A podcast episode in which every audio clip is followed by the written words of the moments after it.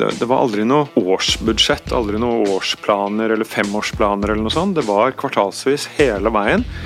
Og så jobbet man faktisk med en 50-årsplan. Fordi det er veldig interessant å tenke seg hvordan kommer dette her til å se ut om 50 år.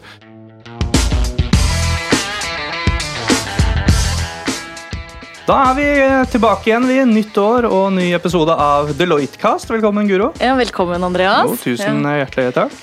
Er du klar for det nye året, 2020? Ja, det syns jeg. Og, og syns vi kickstarter dette året skikkelig med en uh, vanvittig spennende episode. Og det, spennende gjester. Ja, det er jeg helt ja. enig i. Altså, vi har jo hatt en episode tidligere om uh, det som vi kaller så fint for uh, agile, eller agilitet osv. Smidig. Mm. Smidig, ikke sant? Og vi snakket om metodikk, hvordan få team til å fungere på en smidig måte, og omstille seg til brukernes perspektiver og, mm. eller behov og sånne ting. Og nå skal vi ta det ett skritt opp, som mange spurte om, og, og høre litt mer om hvordan man egentlig kan få en hel organisasjon til å være eh, ja, såkalt agile, da, eller smidige eller eh, endringsdyktige. Kall det hva du vil. Mm. Eh, og så tror vi også at En viktig del av det er det med målstyring. Da. Altså, hvordan får du mål fra toppen helt ned til hver enkelt team og hver enkelt individ. Mm. Så Vi skal inn på det som heter OKRs, som dere kanskje har sett i mhm. tittelen på episoden. Og for eh, de av dere som ikke vet hva det er, så skal vi komme inn på det. Mm -hmm. Det står for Objectives and Key Results. En, eh, mer om det kommer. Mer om det kommer. Mm. Og så er det jo sånn, da. Når jeg er ute og snakker med og jobber med kunder da, om innovasjon og kreativitet og liksom sånne ting, og ikke minst organisering av, av, liksom, av organisasjonene for å, få, for å få det til å fungere, så sier de kan ikke komme noen eksempler hvordan kan vi få dette til å funke, men ikke nåde deg om det kommer Google som eksempel. Altså. Det er liksom det For det har de hørt før, og det er, ja, de syns det er uoppnåelig. Det er så uoppnåelig, sier de. Så nå skal vi høre om det er helt uoppnåelig da eller ikke. For uh, ja, Hvem er det vi har med oss? Jo, I dag så har vi med oss uh, deg, Jan Grønbæk. Uh, velkommen. Du er nylig avtroppet Google-sjef i Norge. Du har også vært styreleder i American Chamber of Commerce. Du har sittet i styret i Komplett Group, og nå er du også i sentralstyret til Virke. Veldig kult å ha deg, så velkommen. Tusen takk. Og ved siden av deg så sitter Andreas Klein. Du er partner i Human Capital. Lang erfaring fra teknologiverden og, og jobber mye med implementering av, virke, av, virksomhetsstyring, agil arbeidsmetodikk, og du driver også mye med sertifisering eh, innen agile, sant? Scaled agile. Mm, ja. Riktig. Supert at du også kunne komme. Tusen takk. Velkommen begge to. Takk. Vi hadde egentlig litt lyst til å bare liksom få det litt ut av veien. For jeg tror, jeg tror mange er interessert i å liksom få et lite blikk på innsiden av, eh, av Google òg, uten at du skal Nå, nå representerer du jo eh, du er jo privatperson her i dag. Det stemmer. Ja. naver. Du er rett og slett naver? Ja. Nei, ikke, ikke, helt. Snart uh, til uh, Alpene, for å så få si. Ja. ja. En liten pause der. Men, men, uh, men, du er altså den landssjefen i verden som har sittet lengst som landssjef i nesten 15 år i Google. Så jeg må jo bare høre, hvordan vil du oppsummere i nesten 15 år i et selskap som Google, og etter hvert Alphabet? Ja, det, det har vært nærmest en, eh, en, gave som aldri sluttet å gi. Mm. Eh, vil si eh, det har vært 15 år med disrupsjon, egentlig. Eh, og 15 år med å holdt på å si, hjelpe folk med å finne det de leter etter. altså Organisere verdens informasjon og gjøre den tilgjengelig på en brukervennlig måte. Det er det mm. alt har dreid seg om hele tiden. Og samtidig også bygge litt business i Norge. Så det har jo gått eh, veldig bra i Norge. og, og det, det, er jo det som har gjort at jeg har fått lov til å bli der en stund også. Ja. Mm. Kanskje du kan si kort uh, om hva er det Google i Norge driver med? Det startet jo med meg, som da løp rundt som en uh, litt sånn annonseselger, egentlig. Det var det jeg egentlig hadde jobbet med tidligere også, både i Scandinavia Online og DoubleClick. Eh, etter hvert så, så, vokste det jo, så vi uh, har bygget et solid uh, partnerfundament med norske medier, som vi leverer både teknologi og annonseinntekter til. Vi har en stor avdeling som jobber med cloud computing, som selvfølgelig er kjempeviktig i disse dager. Og vi har en, også en avdeling som jobber med å spre våre hardware-produkter ut i butikkene. Alt fra telefoner til Google Home og Nest og, og disse tingene. Mm. Eh, og, og, selvfølgelig også hjelpe Norges største annonsører med å lykkes både med YouTube og, og Google. Mm. Og uh, Uh, og, i tillegg også legge til rette for at et partnerøkosystem skulle kunne ta seg av de titusenvis av mindre annonsørene som, som også brukte dette, dette mediet. Mm, så det handler egentlig om å, om å, støtte dem og få opp best mulige type annonser? og type ting? Ja, altså Det handler jo egentlig om å bli funnet når, du, når noen leter etter det du har å selge. Mm. Uh, sånn at, ikke sant, i, Media i Norge i 100 år har vært dominert av type 200 bedrifter. Uh, for det er bare de som har hatt råd til å kjøpe en helsidig avis mm. eller uh, kjøpe etter hvert en TV-reklame da, da, det kom. Eh, men eh, det var jo da titusenvis av bedrifter som ikke hadde den muligheten. Og, og, og så er det jo også at eh, skyter du med hagle, så får du jo også dertil resultat. Mhm. Sånn at det er ikke alltid det mest effektive. Men, kan ha flaks, men lett å bomme. og, og det var jo ofte da sånn at La oss si at man var en bilimportør. da, så så brukte man kanskje 90% av reklamebudsjettet på å annonsere bestselgeren sin. Altså Det kunne være golf, ikke sant? Mm. men veldig lite på å kanskje um, annonsere for den lille varebilen, hvor de hadde litt lavere marginer. Eh, men, eh, men, Google fungerer på den måten at hvis noen eh, da søker etter en liten varebil til sin lille elektrikerbedrift, så finner du jo akkurat den bilen. For mm. da, da, har jo da disse bedriftene sørget for å gjøre de produktene synlige når folk søker på akkurat de tingene. og Da mm. blir konverteringsraten veldig høy. Mm. Og, og, dette er jo veldig målbart også, sånn at alle annonsørene der tjener jo penger på hver eneste krone de bruker. Vi hadde annonsører som tjente 50 kroner for, eksempel, for, for hver krone de brukte, og det gjorde de over en 15-årsperiode og bygget hele businessen på den måten, og det var veldig moro å være med på. Mm. Kjempekult, altså. Veldig kult. Um, vi, la oss begynne med dette konseptet. Da, som Vi snakket litt om det før opptak, at mm. liksom, begrepet agil la oss, uh, la oss, problematisere det litt. Men, men uh, altså, når, når, vi, når, man skal organisere en hel diger sjappe, og ikke mm. minst en, en verdensomspennende organisasjon som Google, da, men også norske store og for så vidt mellomstore, mindre bedrifter. Hva er det som skal til for å gjøre en hel organisasjon endringsdyktig? Vil du begynne? Jeg kan eh, begynne litt. grann. vi, vi snakka jo så vidt i, i, i, forpraten her om at uh, uh, at det er jo viktig at man tenker helhet når man, når man tenker, i hvert fall sånn som vi skal snakke om litt mer etterpå, OKRs. At man ikke liksom begynner ned i et hjørne eller en del av virksomheten, et kontor eller noe sånt, men at det blir en del av den helhetlige virksomhetsstyringen. Eh, og, og kulturen, ikke minst. Eh, og kobla til eh, agilt, eh, så har jo den Hvis vi tar altså igjen, da. Det er mange, mange vinklinger inn på det. Det er jo egentlig liksom blitt en sekkepost. Men, men opprinnelsen kommer jo gjerne fra Systems Engineering og, og team, teamlaget. det var der liksom det har fått sitt ordentlige grobunn. Og så ser vi jo nå en kjempe kjempenysgjerrighet og appetitt på å bruke de samme prinsippene for å styre hele virksomheten. Eh, og Vi bruker også igjen da alt fra Vi bruker mange begrep på nimble, eh, nettverksorganisering. altså vi, har mange forskjellige fasonger på det. Men, men sånn kort fortalt så, så finnes det jo en del gode rammeverk også som kan hjelpe, hjelpe virksomheter i gang eh, etter hvert. Men, men, men, jeg syns i hvert fall i mitt hode så er det fint å, å dele, dele, det inn i tre lag. Det, det, det laveste laget er team. Og det er liksom å få teamet, det tror jeg dere snakka om sist gang. Mm. Eh, neste laget blir på en måte stor agil, og det er jo ok, men vi har 15 team. Eh, hvordan får vi disse 15 teamene å jobbe sammen? Mm. Ja, og jobbe i eh, riktig, samme retning. Og liksom gå litt i samme takt. De bidrar kanskje med sin del av en større løsning. Ikke sant, ikke sant? Løsningen blir for stor, eller man ønsker å tenke verdistrøm og organisere etter det osv. Og, så og så har du det øverste laget som gjerne vil være et strategisk eller porteføljelag, da, om du mm. vil.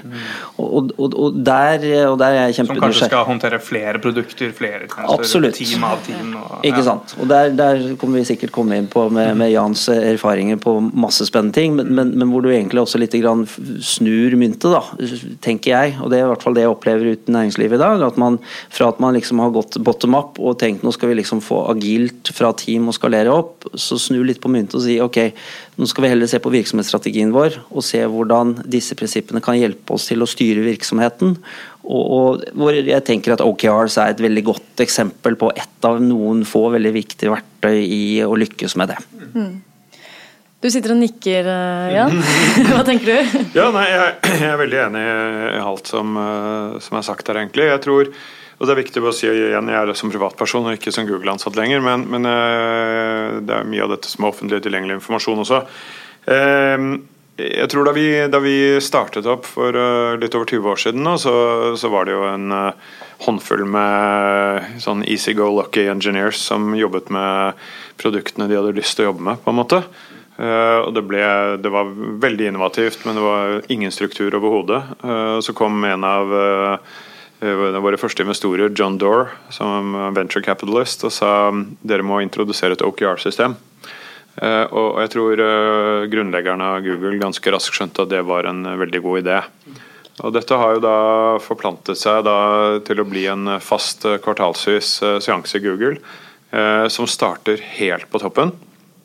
Ved at eh, CEO-en står på en scene, alle ansatte sitter og ser på, og så går han gjennom hva som er Googles OKRs for det neste kvartalet.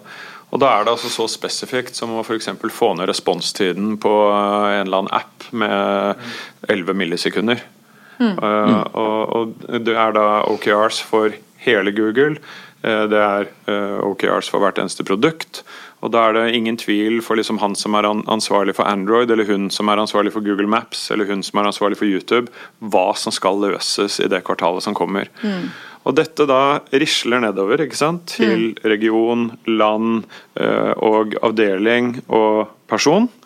Men det betyr ikke at liksom en ansatt på Oslo-kontoret nødvendigvis at det er helt åpenbart hva den vedkommendes OKRs blir i forhold til dette.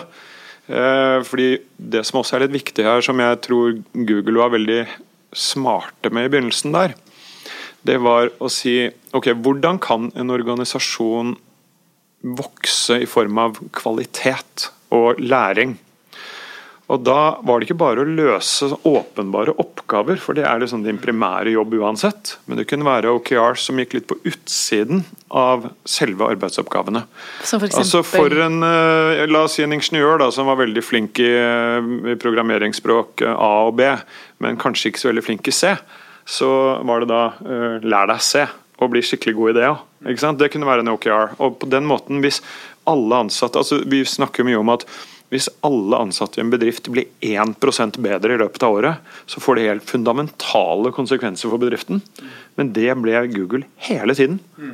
Alle ble bedre og bedre og bedre for hver dag som gikk. Og det gjorde jo at produktene ble bedre, selskaper ble bedre osv. Så, så det, det, her har vært, um, ja, for meg i mitt tilfelle, 58 kvartaler på rad med uh, å sette OKRs og OKR-evaluering av uh, ansatte og bli enige med de ansatte om hva som skulle være deres, og, og forme våre OKRs i forhold til de globale OKR-ene. Jeg lurer jo veldig på, liksom, fordi alle har jo eh, eller De fleste har jo hørt om kopier og, liksom, og balansert målstyring. Det er noe enhver uh, økonomiutdanning eh, har med. ikke sant? Og til og med ABC og det greiene der. Altså, hva er den store forskjellen på en OKR og en, en KPI? Fra Googles perspektiv så er det forholdsvis enkelt, syns jeg. En... Altså en KPI i mitt hode kan, det er ofte noe som er mye mer langsiktig og mye mer sånn non-negotiable. Uh, altså, uh, det kan f.eks. Mange av våre kunder hadde jo KPI-er som f.eks. sa at vi, vi, ønsker å kjøpe all trafikk vi kan få, uh, så lenge vi betaler mindre enn 25 kroner per lead, f.eks. Det kunne være en KPI. Mm. Så kan man mm. si om det er riktig eller galt. Veldig ofte så var det helt klin gærent. og det, det, gjorde at de tapte, eller tjente mye mindre penger enn det de kunne gjort hvis de hadde vridd litt på de KPI-ene. Eh, men, men OKR-ene hadde altså, en mye mye større fleksibilitet. Det, her kunne det være at eh, la oss si for, for, noen år siden så kunne det være veldig mange OKR som dreide seg om Google pluss. Mm. Når man da fant ut at eh, Google pluss aldri ble et stort produkt og bare fikk et par hundre millioner brukere, så, og man da la ned det, så, så var det jo ikke noe mer OKRs for Google pluss. Mm. Da mm. fokuserte man eh, på andre steder som var mye viktigere. Mm. Og um, Så, så den, jeg tror den fleksibiliteten til hele tiden å kunne stanse ting, liksom kill your darlings, gå i andre retninger uh, vi, vi, testet jo kontinuerlig. Hver dag så ble det gjennomført tester av alle produktene, også primærprodukt, altså kjerneproduktet Google Søk, ble testet på titusenvis av mennesker hver eneste dag for å se hvordan ørsmå forbedringer kunne eh, bedre kan du si, kunde, kundeopplevelsen. Mm. Uh, og, og, og, forandringer blir gjort hele, absolutt hele tiden. Og, og, det var jo en veldig lav terskel for å f.eks. Eh, legge ned et produkt, f.eks. Selv om noen ansatte syns det produktet var helt fantastisk, og sikkert noen mm. brukere også syns det, så eh, ble det ikke stort, så, så, ble det ikke stort. og Da la man det ned, og så tok man med seg eh, de beste delene av det produktet og puttet det inn i andre produkter isteden. Og på den mm. måten fikk man valuta for pengene. Men Hvordan bruker man da OKRs for å kunne vurdere om man f.eks. skal legge ned da, mm. et produkt? Altså, det, det, kan jo være OKR-en til CFO-en. Uh, eh, ja. og, og, mm. sørge for at produkter som uh, eh, f.eks. ikke har mulighet for å nå en milliard brukere, uh, ikke får lov til å drive på for lenge. For eksempel. Så det er jo helt mm. klart et OKR hun ville hatt. Mm. Uh, og Hva er for lenge da? En sånn målestokk? Nei, det, vet du hva, det, En gang så hørte jeg Larry, si, Larry Page si at uh, there is no such thing as a half success on the internet. Mm. Og det, det var egentlig veldig veldig godt, uh, godt poeng, fordi at jeg tror ikke vi har noen eksempler på produkter som på en måte har fått kri, sånn litt kritisk masse med brukere, og så holdt seg der en stund, og så plutselig skutt i været. Altså, ja. De fleste tingene, altså, ta Facebook, ta Snapchat, ta, ta Google, ta Google mm. Maps, uh, YouTube. Uh, ikke sant? Det, det har, har, hatt en ganske um, eksponentiell kurve alle sammen i, i bruken. I starten, ja. uh, og man merker veldig raskt om ting kommer til å lykkes eller ikke. Mm. Jeg husker jeg var på lanseringen av Google Chrome. Uh, da satt vi på en uh, stor Google-konferanse i forbindelse med tiårsjubileet vårt på Rådas i 2008. Og eh, vi hadde visst, Alle ansatte i Google hadde visst i to år at dette produktet skulle lanseres, og det var noe vi virkelig ikke gledet oss til, for det kommer til å revolusjonere bruken av internett, og ikke minst sikkerheten og responstiden og alt mulig sånt. Og Så sitter vi inne i denne salen, og så får vi da beskjed om at nå lanserer vi liksom 5, 4, 3, 2, 1, og oppe i høyre hjørne der, på alle presentasjonene dere kommer til å se resten av dagen, så kommer den tikkeren oppe i høyre hjørne der til å fortsette å tikke med nedlastninger av Google Chrome. Nei så ser vi bare altså det, Først så står det liksom 41 der oppe, ikke sant? og så begynner det å rulle. ikke sant? Akkurat som en sånn hundredelsmåler på et skøyteløp. sant? Mm. Og plutselig så bare du har ikke fulgt med på 45 minutter, så plutselig står det 120 000 der. ikke sant? Og så plutselig står det 1,8 millioner, og så plutselig, før dagen var over, så var det sånn 100 millioner som hadde lastet ned dette. Da vet du, da, da vet du det er på vei til noe. Da har du løst et problem. Men det er klart at hvis, hvis eh, vi en uke det, det, var jo liksom kontekst, det var jo Internett Explorer-tiden, hvor du egentlig ikke hadde noe alternativ. Jo, jo, jo, du hadde Firefox. Alle brukte Firefox. Ja, ja. ja de som visste hva de drev med, brukte Firefox. Jeg brukte Firefox. Ja. Og det var noen selvfølgelig som brukte Explorer også. Men det var vel 70 men... Jo, det stemmer det. Hadde, ja. Fordi det var det som var installert. Ja, det var jo helt forferdelig. Ja, det var, ja. det var Grusomme tider. Eh, men, men, men, altså, hadde man da etter en uke liksom hatt én million nedlastninger, mm. så hadde du allerede visst at det var en flopp.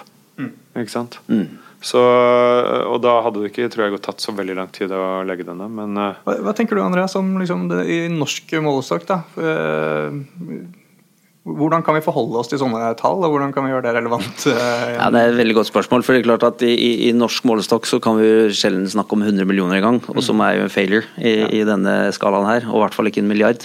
vi er ikke så mange. og selv om vi Eh, man kan jo begynne å telle transaksjoner istedenfor mennesker, selvfølgelig, men, men, men, det er klart at ting blir eh, ting blir jo en størrelse mindre i Norge, men, men jeg tror fortsatt at veldig mye av de samme prinsippene Vi må bare liksom nivellere tallene litt. Grann. Mange av de samme prinsippene tror jeg er helt, eh, helt eh, analoge til, til hvilken som helst norsk virksomhet. Og så er det klart at hvis du som norsk virksomhet også faktisk Eh, i hvert fall har ambisjon å konkurrere på det globale markedet, så er det jo litt sånn at men da må du faktisk spille etter de samme spillereglene. for Sånn er det bare. Ja, er det, jeg vet, du har vært ute og uttalt deg litt om det, at du mener at norske bedrifter er, eh, er for lite ambisiøse når det gjelder global skala. Ja, tenk litt på smått sånn, Hva er det som hindrer oss som, hva er det som hindrer norske bedrifter da, å satse på det globale markedet? Jeg tror akkurat det du sa i sted. Hva med norsk målestokk? Ja. Mm. Det er, der satte du fingeren på det. Ja. Mm. Det er ikke noe som heter norsk målestokk. uh, altså, tenk, kan du si ett eneste uh, B2C-selskap i USA som har tenkt på USA som marked. Det fins ikke, ikke sant? Tror du Spotify tenkte på Sverige da de startet? Eh, altså det, eh, så, så vi må bare slutte å i det hele tatt tenke på norsk målestokk. Ja, så- det skjer om og om Jo, igjen, gjør det jeg, det? det gjør det. Og, og det altså Problemet nå, det finnes ikke noen nasjonale grenser lenger. Eh, Det finnes absolutt ingen begrensninger på hva man kan oppnå.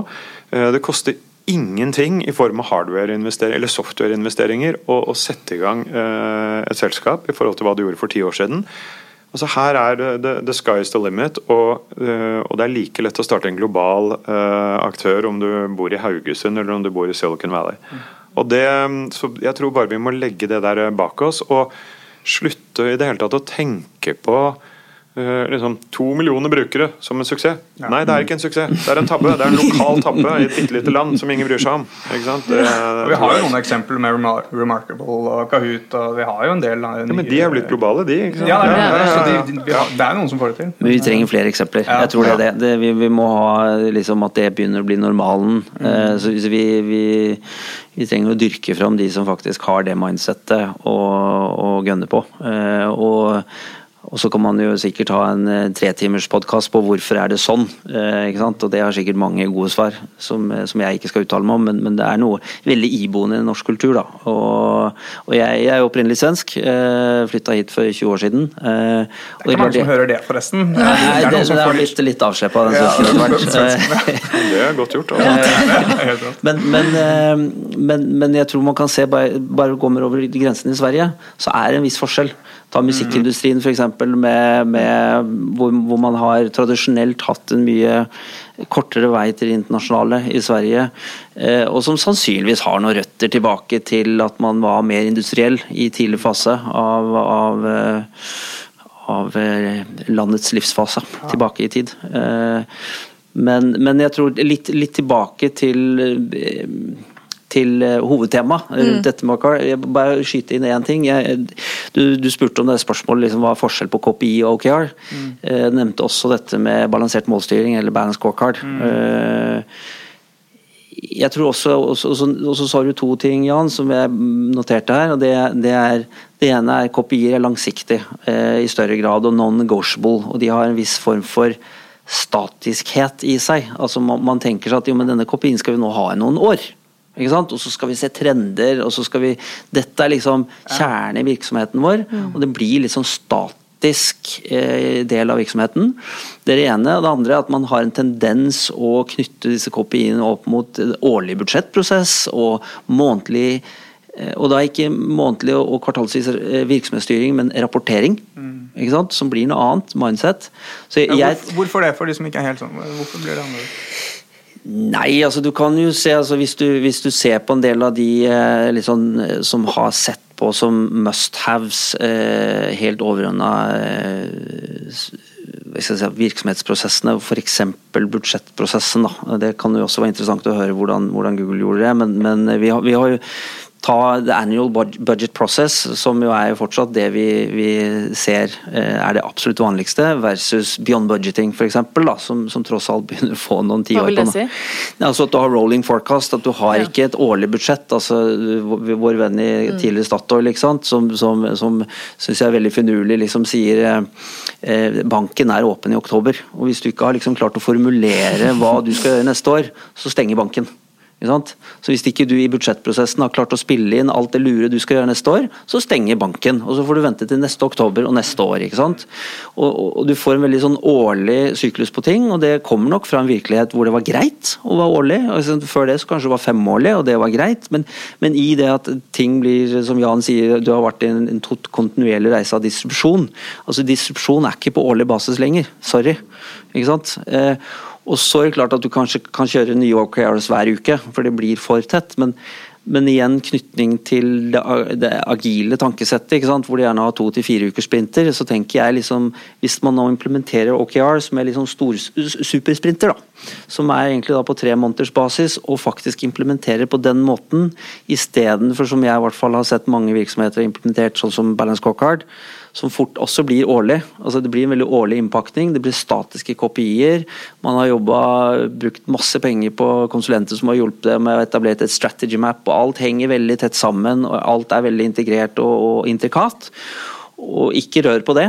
Og det er liksom eh, hele veien fra, fra CEO ned til hver enkelt medarbeider.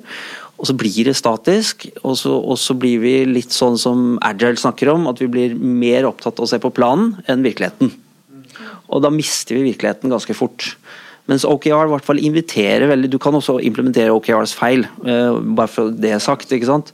Men hvis du implementerer OKRs på den måten som Jan snakker om, hvor, hvor du er mer opptatt av virkeligheten enn planen din, uh, og så gjør du det med tre måneders intervall, eller tolv uker, liksom, uh, så får du en veldig sånn nærhet til virkeligheten og åpner opp for at nei, banken er ikke bare åpen i oktober, den er åpen hele tiden. den. Kjør på. Jeg tror, jeg tror en ting som er litt spennende nå med disrupsjon Vi er oppe i en tid nå hvor, hvor ting går så fort. og, og så ser man da, sant, eh, I det offentlige da, så legger vi gjerne femårsplaner, eller vi tenker kanskje fra valg til valg, fireårsplaner. Mm. Eh, og uh, prøver å da uh, bygge fremtiden. og Det samme gjelder jo de, den lovgivende makten.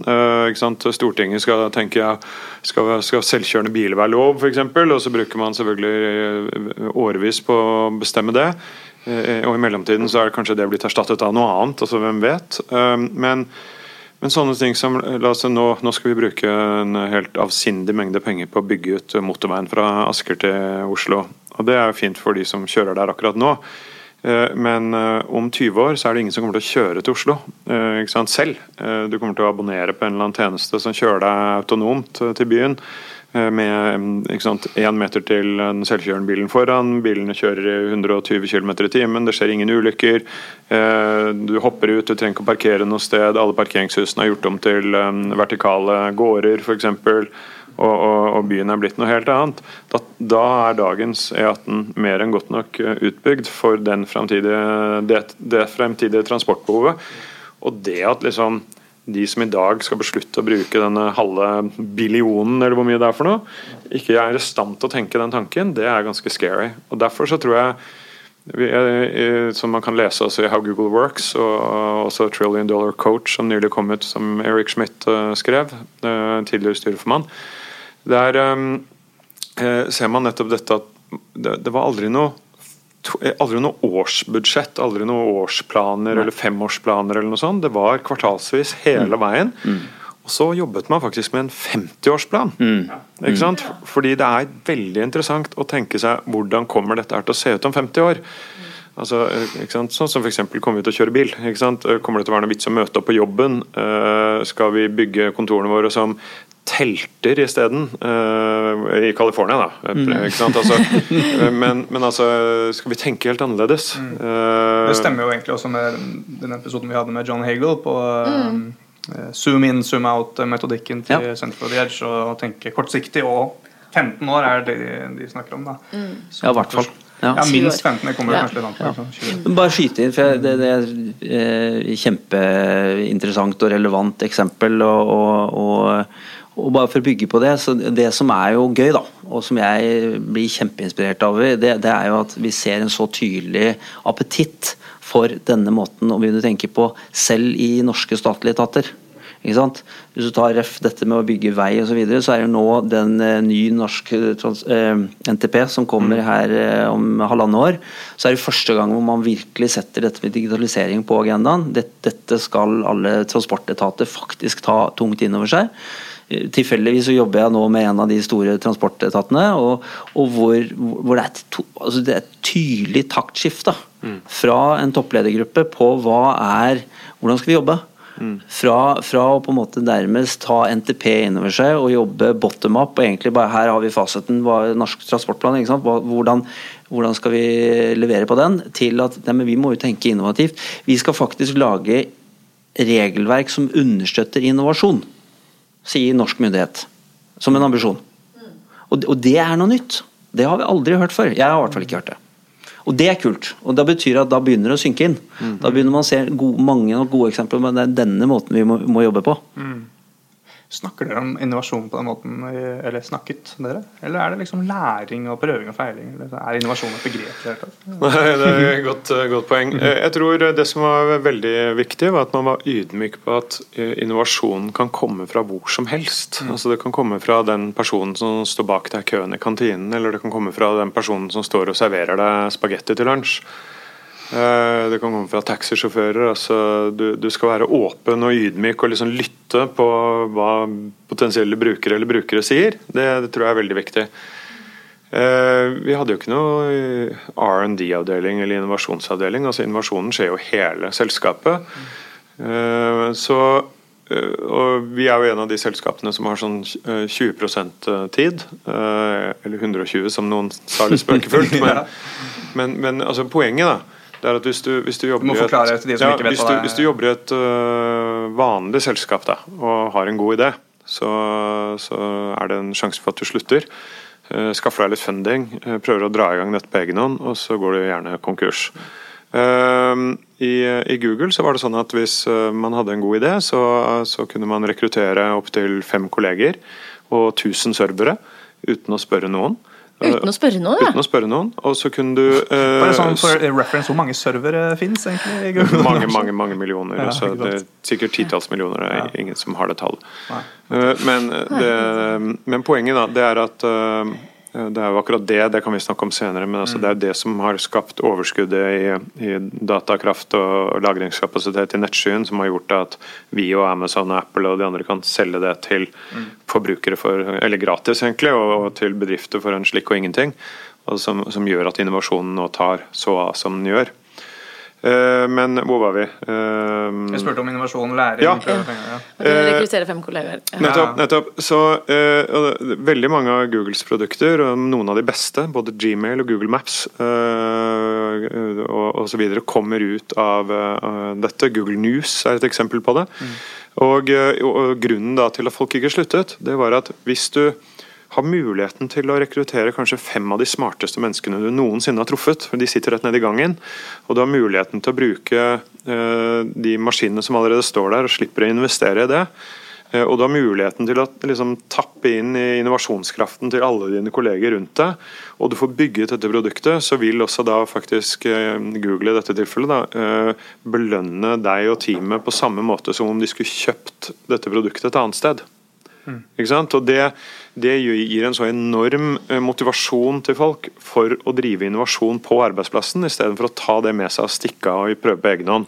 Fordi- og Det førte til veldig mye Det jeg lurer på helt, det er mange ting jeg tror mange lurer på med de 20 om, For det første, sånn som du hintet om, er det reelt, eller er det ekstra tid? Det er det ene. Men men hvis vi tar det litt mer sånn konkrete på ok, så skal jeg, Nå har jeg kommet på en idé, og så vet jeg om en eh, fire-fem kollegaer som er skikkelig flinke. Er, er det sånn, Må jeg vente til neste kvartal til de er ledige, eller er det bare sånn de som har ledig 20 Hvordan fungerer det Nei. faktisk i praksis? Nei, jeg tror nok akkurat i starten så tror jeg dette her er i aller høyeste grad ekstratid, som all annen entreprenørvirksomhet ville vært uansett. Eh, Poenget her er at dette er jo eh, relativt unge ingeniører med et høyt ambisjonsnivå og, og ganske mye energi, og de lever og ånder for å lage nye ting. Eh, I det øyeblikket det produktet beviser at det virkelig har liv laga, på på et tidspunkt i løpet av et kvartal eller to, så vil det bli evaluert av noen for å se om dette er noe vi skal satse på. Og i så fall, så når man da Sånn som Gmail-teamet, da. Det ble jo ganske fort et team på 50 personer. Og de fem som da hadde satt i gang dette fra starten av, de fikk jo dette som primæroppgave og gjorde ikke noe annet i, i mange, mange år for å gjøre det skikkelig bra. Eh, Så, og et annet, altså et 20 %-prosjekt trenger ikke å være så omfattende. Jeg har Bare ha et eksempel her som, som er litt festlig. Det var Google var jo som, som en litt sånn fremoverlent arbeidsgiver. var det viktig å kunne f.eks. ha eh, tilgang til eh, lege på arbeidsplassen, frisør, tannlege og sånne ting. Og selvfølgelig også kunne vaske klær. Så det var masse sånne vaskehaller rundt omkring hvor du kunne bare gå og slenge øh, klærne dine i en vaskemaskin. ikke sant? Det førte jo da til at disse glemte jo at de hadde puttet det i vaskemaskinen. Og så når de kom tilbake, så var det noen andre som var lei av å vente, som bare hadde tatt det ut og bare lagt det oppå vaskemaskinen. Så lå det bare der en svær våt haug. ikke sant?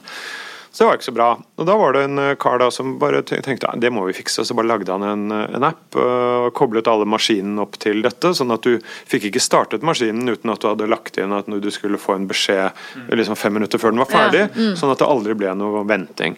Bagatell tok han fire minutter å lage, ikke sant? Men, eller fire Ja. dager kanskje. Men, altså det var, det, det, men hva gjorde ikke det da for effektiviteten til de 10 000 som brukte de vaskemaskinene? Ikke sant? Kjempesmart. Så, så det kan være bitte små ting, og det kan være kjempestore ting. Men hvilken rolle spiller OKRs i det å ha liksom da friheten til å innovere, eller til å liksom underbygge og styrke innovasjonsgraden, tenker du? Nei, for, for veldig mange ingeniører da, så kunne jo faktisk en av OKR-ene være å finne seg et 20 %-prosjekt.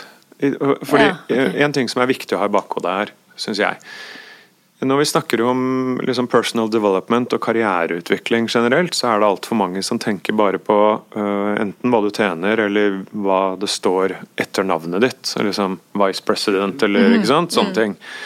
Eh, Men eh, det kan jo være så mye mer. Og, og sånn sett så, så kan For en ingeniør da, eksempel, som kanskje er litt sånn sugen på å få en forfremmelse, så kan eh, det som manglet, det kan være å vise f.eks. evne til å eh, jobbe som entreprenør, få opp et eller annet eh, og stå, sant, løse et problem for eh, 100 millioner mennesker eller et eller annet sånt noe.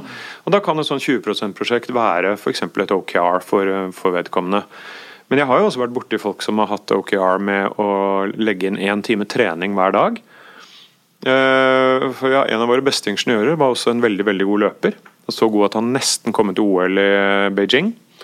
Og Så begynte han å jobbe hos oss, og så han jobbet og jobbet og jobbet, og fikk jo aldri trent. Så han ble dårligere og dårligere form og dårligere og dårligere humør. Og, og også da en, egentlig en mindre og mindre dyktig ansatt. Dette skjønte sjefen hans, som også trente litt, at uh, stakkar, han må han, han har jo Livet hans er snudd helt på hodet her. Så han fikk en OKR. Bare du skal trene hver dag i arbeidstiden. Eh, Det gjorde han.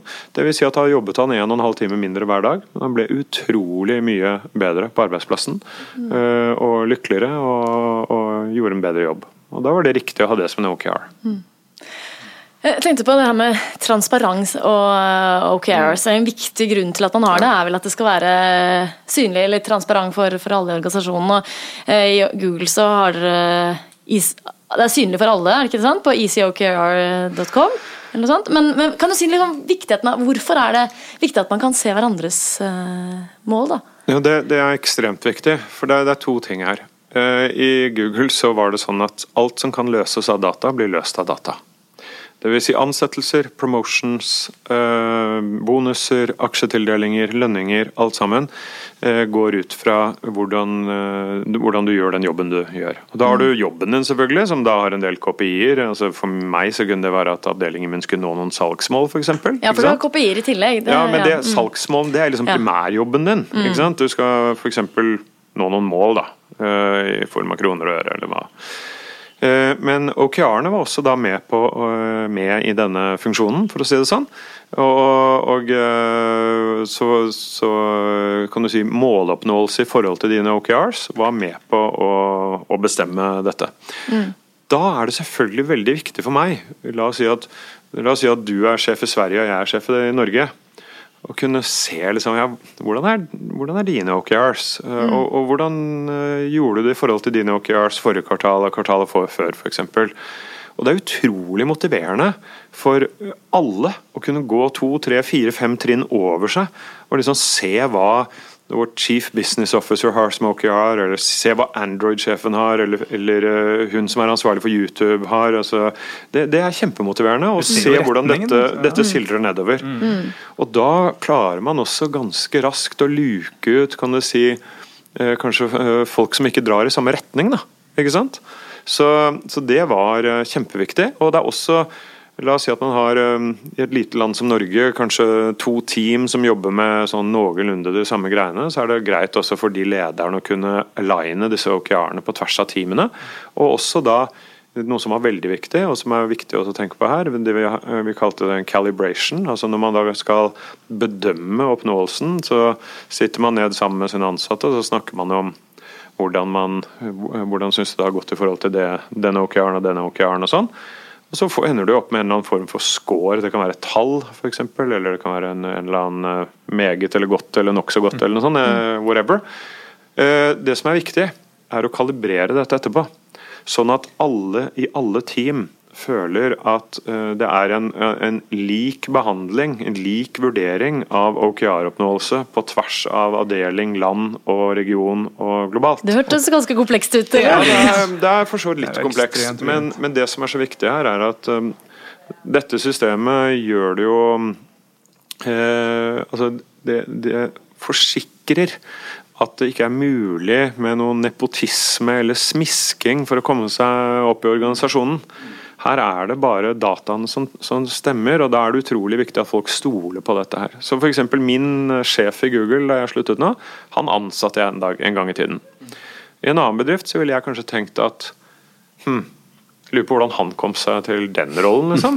Eh, Ja. eh, Hvordan har det skjedd? I mitt tilfelle så har jeg ikke tenkt den tanken en eneste gang, for jeg vet at over ti år i snitt så har han levert litt hvassere enn meg, og ble da valgt på et tidspunkt til å være sjef for den regionen jeg var i. Og det, det funker utrolig godt. Og det, så sjef, toppsjefen for Google i dag var jo på var ikke noe, jeg tror han var på mitt nivå for 14 år siden. Eh, og har da sant, levert Han lagde Chrome, han uh, overtok ansvaret for Android. Uh, gjort en formidabel jobb for Google. ikke sant? Og, og dette har vært målbart gjennom hans OKRs hele veien. Og ender da opp nå som sjef for hele alfabetet. ikke sant? Så det gir eh, motiverte medarbeidere, og da virker det som sant, mindre sånn internpolitikk eller sånn negativ politikk. Ikke sant? Det føles bare rettferdig og riktig. Ja.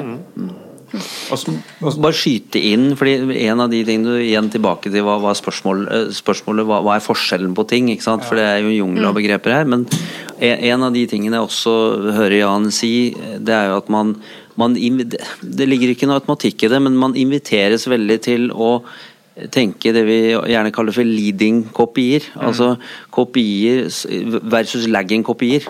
Eh, Altså man ser framover og ikke bakover. ja, kopier som ser framover, eh, eller måling som ser framover. Måling som ser mer kanskje på aktivitet enn etter faktisk resultat. Ta denne ingeniøren ingeniøren som du nevnte, da. Ikke sant? Hvis, hvis sjefen sier oi, nå begynner han å, å, å legge litt på, på produktiviteten her. Vi må gå inn med litt sånn skarp kopi, at du skal, ha, du skal i hvert fall ha ti eh, bug-frie kodelinjer hver dag. Ikke sant? Som ville vært en, en, en, lagging-kopi, hvor du etter, etter hver dag kan måle hvor mange linjer kode produserte du hver dag som var eh, bug-frie. Men isteden så snur man litt på mindsettet og tenker hva er det for innsats som skal til? da? Hvilke aktiviteter er det vi tror på? Og Det er vel litt av det jeg også opplever. at man, Mange ledere og toppledere jeg snakker med, de, de er med på resonnementet, men, men litt helt tilbake til start. Man, man må nok tenke litt helhetlig her. Man må tro på det. Fordi Skal man jobbe med leading-kopier, så må man faktisk strekke hodet litt fram da, og tro på at det er nettopp den der halvannen time trening hver dag som kommer Man må tro på at det er det som her og nå er den viktige innsatsfaktoren. Da. Og, og det kan nok være litt krevende for noen ledere å, å tørre å tro på det og for, forsvare oppover at vet du, jo, men det er halvannen time trening som skal få oss lykkes for denne individen. Da. Det tenker jeg OKR OKR inviterer til i større grad enn f.eks. balansert motstyring. Vi er nødt til å avslutte hvert øyeblikk. Ja, vi må det. Jeg har bare lyst til å stille ett spørsmål sånn helt på tampen. Sånn, hvis, eh, hvis man ikke La oss si man er i en balansert målestyring, eller kanskje man ikke har noe virkelig sånn system på, på måling eh, i dag, da, og man ønsker å bli skal vi bruke ordet mer innovativ. Eh, hva, hvilke tips eller råd ville dere gi til eh, organisasjoner som ville prøve å implementere noe sånt som eh, OKRs? Hvilke skritt man må ta. Nei, jeg, jeg har jo blitt, jeg har blitt stilt det spørsmålet ganske mange ganger, og jeg vil jo si at eh, jeg er veldig ydmyk og forsiktig når det gjelder å si at den måten vi jobbet på i Google, kan du bare dytte ut i alle andre organisasjoner. Så jeg, men eh, jeg tror kanskje dette her med å slutte å ha femårsplaner, begynne å tenke mer kortsiktig, være villig til å liksom kill your, dar kill your darlings, eh, og, og, og så assigne ansvar der det hører hjemme. Altså eh, Vi hadde jo en gang i tiden ikke sant, en sjef for alle ingeniører. Og så hadde vi en sjef for eh, Vi hadde vel en, på et, en for lenge siden en sånn head of innovation, kanskje. Det droppet vi, og så gikk vi over til produkt. Så ble det liksom sjef for YouTube, sjef for søk, sjef for Android, ikke sant, osv. Tverrfunksjonelle team, da. Ja, og når da f.eks. Uh, denne eh, da, Hvis en OKR da kom som vi skal lansere neste versjon av Android innen 1.11.2020, da skjer det. Og da vet alle at det ligger hos Hiroshi i det tilfellet. Han skal fikse det, og da, da sildrer det nedover i hans organisasjon. Akkurat den biten tror jeg alle kan gjøre. Altså Organisere seg annerledes. La alle være med. eh, altså La alle ha muligheten til å drive med innovasjon. Eh, og kanskje droppe denne research and development-avdelingen som ingen skjønner hva driver med uansett. Eh, og eh, ja, Husk at for 100 år siden hadde alle bedrifter i Norge en vice president of electricity. Det har vi ikke lenger, og det er gode grunner til det. Nå har vi en vice president of digitalization instead. ikke sant? Jeg tror vi kommer til å le litt av det om en stund også, men, men, eh, men det samme det gjelder også noe- innovasjon. Jeg jeg tror ikke man trenger en noen chief digital officer, det er altfor mye ansvar på én person uansett. Det er bedre å, å kunne spre det ut i hele bedriften, gi dem ansvar for visse områder og sette klare OKRs for hvert produkt. Andreas, har du noe å tilføye på tips til de som skal starte med dette? Nei, det jeg er veldig, igjen veldig ydmyk, fordi det, det er jo også noe med hvor- hvor- hvordan man har blitt unnfanget som virksomhet. Eh, hvis man liksom starter veldig tidlig i en sånn formidabel reise som Google har vært, så er det klart at da er det noen ting som bare setter seg på en annen måte enn hvis du f.eks. går inn i en, eh, la meg si, en statlig etat som har jobba helt annerledes i 100 år, eh, og, og dertil de menneskene som er der så er det nok forskjellige veier til å gå i en sånn retning. Tror jeg. Så jeg, jeg tror jeg vil være forsiktig med men, eh, men jeg, jeg tror bevissthet i toppledelse og, og rett og slett læring, trening på toppen, helt til toppen, det tror jeg er en sentral ting. Det, det er jo noe vi, vi har gleden av å få hjelpe noen av virksomhetene med nå, og, og hvor vi ser at disse temaene faktisk nå er liksom på toppledelses eh, altså Man er nysgjerrig på disse tingene som tidligere var nede i tekniske team. I toppledelsen i de norske største virksomhetene. Og det, og det er jo et godt tegn, da. Ja, ikke sant? Eh, fordi da, da skjer det ting. Og dette er jo mye sunn fornuft. Dette er jo egentlig å bringe litt tilbake eh, måten vi styrer virksomheter sånn som vi mennesker faktisk funker. Mm. Bygge litt mer på hvordan mennesker er skrudd sammen, mer enn at vi tror at vi er litt sånn som vi snakket før her. En, en radiator med en en radiator med en termostat, og så skrur du på termostaten så blir det litt varmere, litt kaldere. Vi mennesker er litt mer komplekse enn det. Så liksom å Vi legge kanskje vite hvor, eh, på hvilken måte bidrar, er mitt bidrag eh, med Ja. inn i en større helhet. Mm. Ja. Du skal få siste ordet, Ja, Jan. Nei, bare å legge til, jeg er helt enig enig med Andreas. Eh, Men jeg tror også OKR gjør én ting som er veldig viktig. Vi mennesker liker å bli sett og verdsatt, og vi liker å vite veldig klart hva som forventes av oss. Og med et OKR-system så er det overhodet ingen tvil. Og det som også var veldig viktig i Google da, og som jeg tror kan være viktig for alle eh, Vi, vi hadde en årlig eh, sånn medarbeiderundersøkelse eh, med, som tok sikkert en time å fylle ut. Vi hadde 99 svarprosent eh, hvert år. Fordi alle visste at eh, det som eh, Tilbakemeldingen der, den ble fulgt opp skikkelig. Eh, Og der ble nettopp altså dette med OKR var jo up front and center i alle disse undersøkelsene. Og jeg tror Hvis man skulle gjort noe sånt noe i en mer tradisjonell arbeidsplass, så, så er det veldig viktig å følge opp med målinger hele tiden og se at dette er riktig for alle.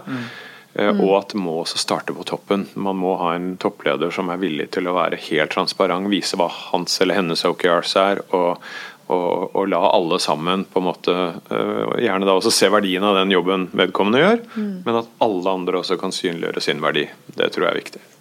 Kjempespennende. Tusen hjertelig takk for at dere tok dere tid eh, til å komme. Takk for invitasjonen. Og spesielt du, da, som eh, faktisk eh, tar tid ut av egentlig en liten ferie som du har nå, mellom, eh, mellom det du skal drive på med. Vi vet ikke hva du skal drive med neste gang, eller videre. Nei, det gjør ikke jeg heller, men eh, det er helt greit. så- Få litt inspirasjon eh, på ski. Ja. Det blir spennende å følge med på. Men eh, til alle dere som har eh, lyttet, så tusen takk for at dere har brukt tiden på denne episoden. Eh, vi har i hvert fall syntes det har vært veldig interessant. Ja, jeg synes det var kjempespennende. Lært mye. Jeg synes uh, Sitatet 'There's no such thing as a half success' eh, var noe vi kan virkelig ta med oss inn i, på, i norske bedrifter. Og, og pushe oss til å tenke mer eh, internasjonalt. Ja. Ikke bare tenke Norge som målestokk. Mm, definitivt. Og det med transparens som vi har inne på slutten her, det tror jeg er ganske essensielt, egentlig. Som eh, jeg selv kan Altså, det, er ikke noe tvil om at hva slags motivasjon det gir, og ikke minst eh, eh, hvilken eh, politikk og sånne politiske dragkamper man kan unngå rundt mm. Så kjempeinteressant. Men eh, vi er nødt til å avslutte. Så tusen takk for denne gang, og send fortsatt inn spørsmål eller forslag til tema på podkast.deloitte.no. Eh, vi kommer med en ny episode ganske så snart. Vi, Det gjør vi. Om bare noen uker. Så Ja. Fram til det så sier vi vi høres. vi høres.